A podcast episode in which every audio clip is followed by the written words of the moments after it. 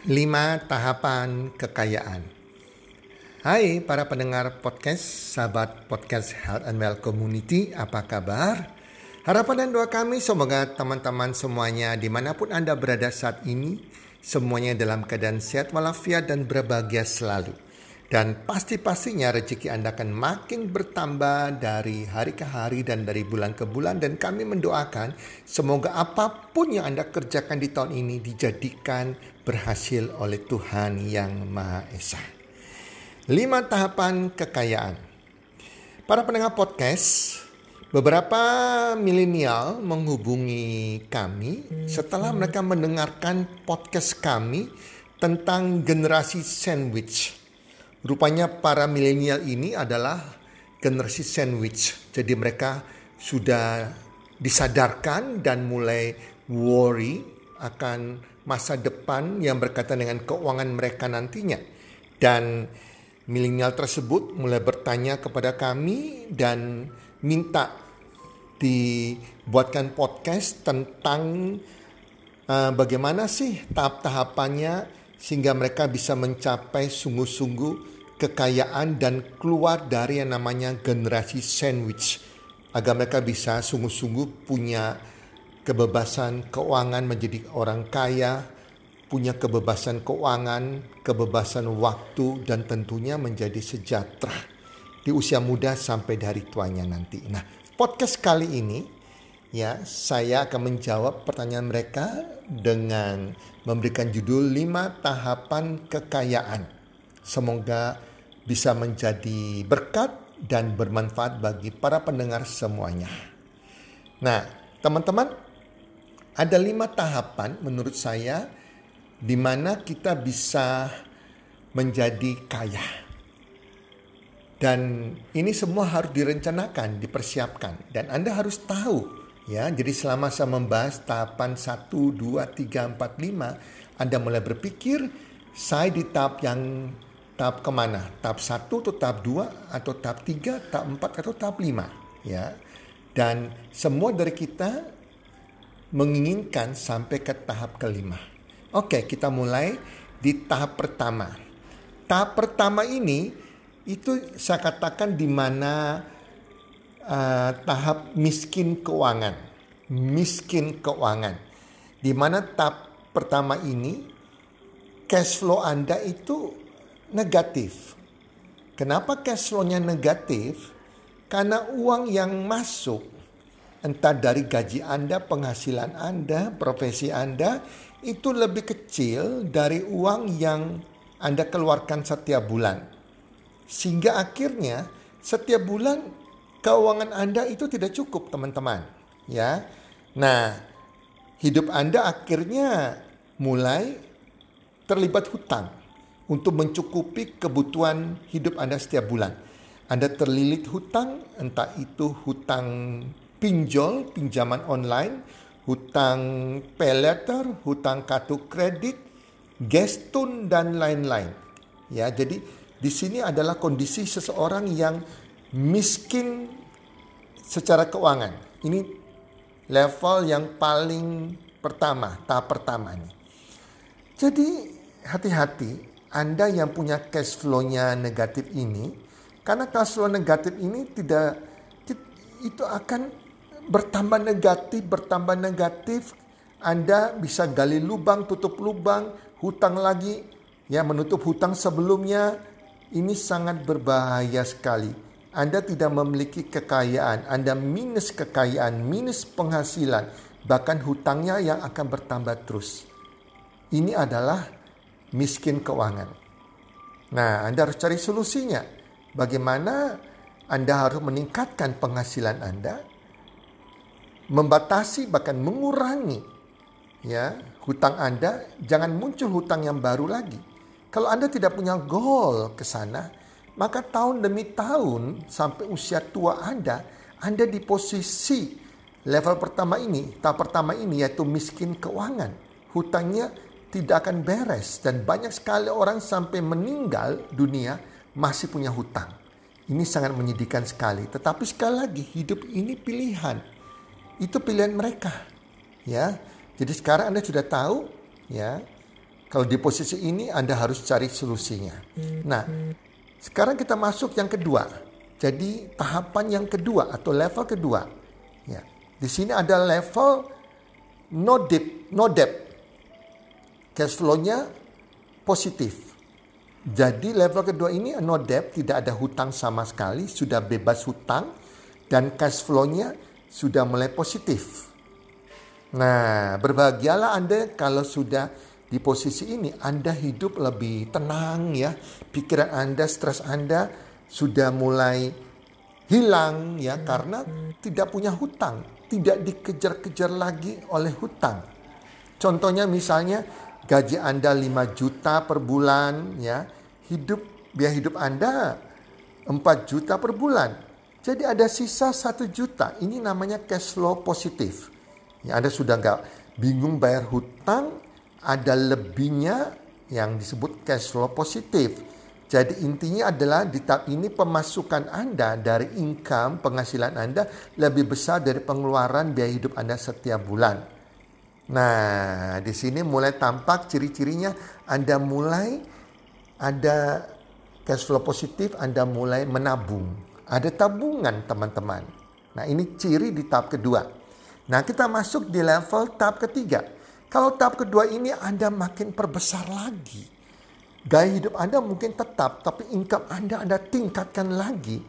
Nah Anda akan masuk tahap ketiga yang dikatakan rich, kaya, dan mulai membangun fondasi kekayaan. Ya, tahap ketiga adalah rich dan fondasi kekayaan.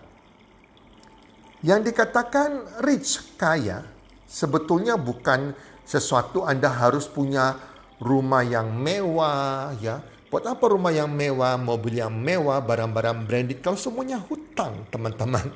Benar nggak? Banyak orang kan hanya memamerkan kehidupan mereka padahal semuanya hutang. Mereka sebetulnya di level satu teman-teman. Ya, jadi walaupun income Anda kecil tetapi pengeluaran Anda lebih kecil lebih sedikit dari income yang Anda terima, itu Anda sudah kaya. Jadi untuk menjadi kaya, income terus dinaikkan, gaya hidup Anda tidak naik. Contohnya, gaji Anda yang sebelumnya itu 5 juta, penghasilan Anda tiap bulan 5 juta, naik jadi 7 juta. Sedangkan gaya hidup Anda tetap 4 juta. Anda bisa menunda kesenangan itu Anda sudah kaya.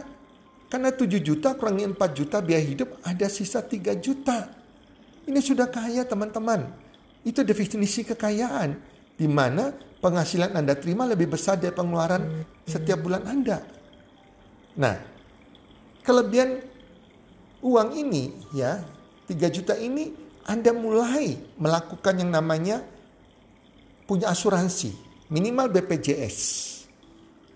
Nah, ini dikatakan fondasi kekayaan. Anda mulai asuransi kesehatan punya, kemudian punya asuransi jiwa. Nah, ini warisan untuk keluarga Anda nantinya. Anda mulai menabung punya dana darurat. Jadi, dana darurat itu adalah Anda menabung kalau yang belum menikah mungkin uh, dana darurat Anda untuk biaya hidup tiga bulan sampai dengan enam bulan. Ya, tapi kalau sudah menikah enam bulan sampai 12 bulan Anda harus punya dana darurat. Jadi artinya hmm. tabungan sebesar tabungan tiap bulan sebesar tiga bulan. Kalau yang belum menikah, kalau sudah menikah, tabungan darurat Anda yang setiap bulan itu selama 12 bulan. Nah, ini harus ada teman-teman ya. Terus Anda mulai mencoba investasi entah di saham, entah di reksadana, walaupun hanya kecil-kecil teman-teman. Anda mulai juga beli logam mulia, ya, walaupun itu masih kecil-kecil. Anda mulai punya sisihkan juga dana fund. Dana fund adalah dana yang di mana Anda bisa pakai untuk kesenangan Anda. Nah, nama kita hidup kan kita juga harus menikmati sesuatu. Entah kita makan di luar, entah tabungan untuk beli gadget baru, untuk nonton, untuk makan di restoran, untuk berlibur. Ya, itu kita mulai sisihkan dari penghasilan yang kita dapatkan setiap bulan. Entah dibuka 5%, 10%, 20%, suka-suka Anda, dimasukkan tabungan tersendiri. Ini tabungan dana fund, dana untuk menikmati kehidupan Anda. Jelas teman-teman ya. Nah ini dikatakan level atau tahapan ketiga.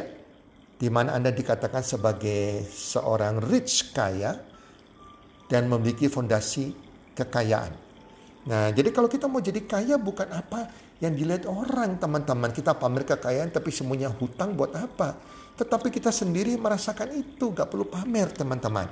Nah kemudian kita masuk tahapan keempat atau level keempat yaitu dikatakan bahwa Anda sudah rich plus ya. Anda sudah kaya plus Anda sudah dan memiliki financial security keamanan finansial. Di mana yang uang Anda investasikan kan di level 3 Anda kan ada investasikan ya.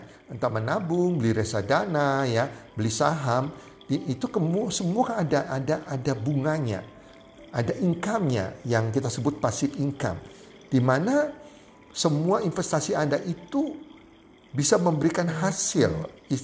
Istilahnya itu investasi Anda entah di logam mulia, entah di saham, entah di di reksadana, entah di pasar uang, ya, di obligasi, itu kan ada bunganya. Bunganya ini passive income. Kita ibaratkan ini peternakan uang atau perkebunan uang yang kita panen adalah bunganya. Nah, kalau bunganya ini yang Anda terima setiap bulan, setiap bulan Anda terima, yang Anda panen, ambil bunganya aja, jangan ambil induknya teman-teman ya. Nah, itu bisa mencukupi bisa mencukupi biaya hidup Anda atau sama dengan UMR saja. Ya, UMR misal UMR-nya di Surabaya 5 juta. Nah, kalau pasif income ini bisa mencukupi UMR aja, itu Anda sudah dikatakan rich plus. Orang kaya yang punya financial security, keamanan secara finansial. Wow, di sini adalah langkah awal untuk Anda mulai yang namanya memasuki financial freedom. Nah, jelas teman-teman ya. Nah, sedangkan tahap terakhir atau level terakhir, tahap kelima, itu adalah financial freedom, the real financial freedom, kebebasan keuangan yang, di, yang kita sebut wellness, tahapan wellness atau sejahtera. Di mana passive income yang di level 4 tadi makin hari makin besar, makin besar, hasilnya bukan hanya sebesar UMR ya, tetapi passive income Anda ini bisa mencukupi di samping biaya hidup Anda setiap bulan, kebutuhan Anda setiap bulan yang Anda butuhkan maupun keinginan Anda. Nah, kenapa kita katakan bahwa orang-orang yang bijaksana, orang-orang kaya keuangan, mereka menunda kesenangan mereka, mereka menunda keinginan mereka. Ya. Mereka hanya utamakan income yang masuk untuk kebutuhan mereka. Kebutuhan yang memang butuh setiap bulannya. Mereka menunda kesenangan mereka karena untuk mencapai level kelima ini. Nah, kalau sudah mencapai level kelima ini, di mana kebutuhan mereka sudah tercukupi setiap bulan dari passive income-nya, ya. Kemudian juga keinginan mereka. Keinginan mereka misalnya mereka kepingin beli beli tas bermerek, pakaian bermerek, jalan-jalan ke luar negeri setiap waktu, mungkin naik dengan bisnis kelas atau membantu orang lain, apa pun keinginan mereka di situ bisa terpenuhi dari passive income. Ini yang namanya the real financial freedom. Jadi mereka sudah nggak bingung lagi mau liburan ke mana, mau jalan-jalan ke mana, mau beli barang apa, mau investasi ke mana. Harta mereka tetap tetap tidak berkurang maka malah makin bertambah karena Pasif income-nya terus bertambah dari waktu ke waktu dan dalam jumlah yang besar teman-teman. Tahap kelima lah ini, seseorang dikatakan memiliki the real financial freedom. Seseorang yang signifikan. Hidup mereka sungguh-sungguh sukses di usia muda dan di hari tua. Mereka tidak bingung lagi masalah keuangan. Dan pada saat mereka meninggal, ada warisan yang diberikan kepada anak-anak mereka di tahap kelima ini sehingga anak-anak mereka atau pasangan mereka sudah tidak pernah mengalami kemiskinan lagi bahkan menjadi orang yang well sejahtera. Bukan kaya saja tapi sejahtera. Teman-teman jelas ya? Nah poinnya di sini adalah kalau anda bisa kepingin mencapai tahap demi tahap anda saat ini misalnya posisi tahap pertama ya atau tahap kedua ingin mencapai tahap kelima, Anda harus merencanakan. Gimana merencanakan? Adalah pertama, gaya hidup Anda dipertahankan, income Anda ditingkatkan. Minimal Anda punya goal, harus ada kenaikan setiap tahun 30% kenaikan penghasilan Anda. Syukur-syukur bisa 30% per bulan. Wow, itu luar biasa. Nah, kalau kali hari ini penghasilan Anda dari pekerjaan Anda, profesi Anda, atau dari bisnis Anda hanya satu sumber penghasilan, Anda harus cari second income, penghasilan kedua. Sehingga sungguh-sungguh penghasilan kedua ini yang akan mengenerate penghasilan Anda. Bisa membantu Anda menaiki tangga demi tangga, tahapan demi tahapan, level demi level sehingga mencapai level 5. Ya, jadi cari sesuatu penghasilan lainnya di samping penghasilan sudah ada yang bisa memberikan kelipatan penghasilan. Sesuatu Anda bisa kerjakan tanpa meninggalkan pekerjaan Anda yang mengganggu penghasilan pertama Anda, teman-teman. Ya, jadi penghasilan Anda mungkin untuk biaya hidup Anda, ya, penghasilan kedua ini untuk mulai membangun kekayaan Anda. Level 1 sampai dengan level 5. Itu cara bijaksana bagaimana Anda merencanakan masa depan keuangan Anda. Banyak kok alat-alatnya, bisnis yang Anda bisa kerjakan tanpa risiko yang punya kelipatan penghasilan untuk mewujudkan ini semua. Semoga podcast kali ini bermanfaat sehingga Anda yang dalam posisi yang namanya generasi sandwich yang harus membiayai orang tua di samping keluarga Anda sendiri bisa lewati itu semua dan Anda bisa mengalami kehidupan yang sungguh-sungguh financial freedom di tahapan kelima. Semoga bermanfaat dan semoga dipraktekkan dan salam sukses one two three.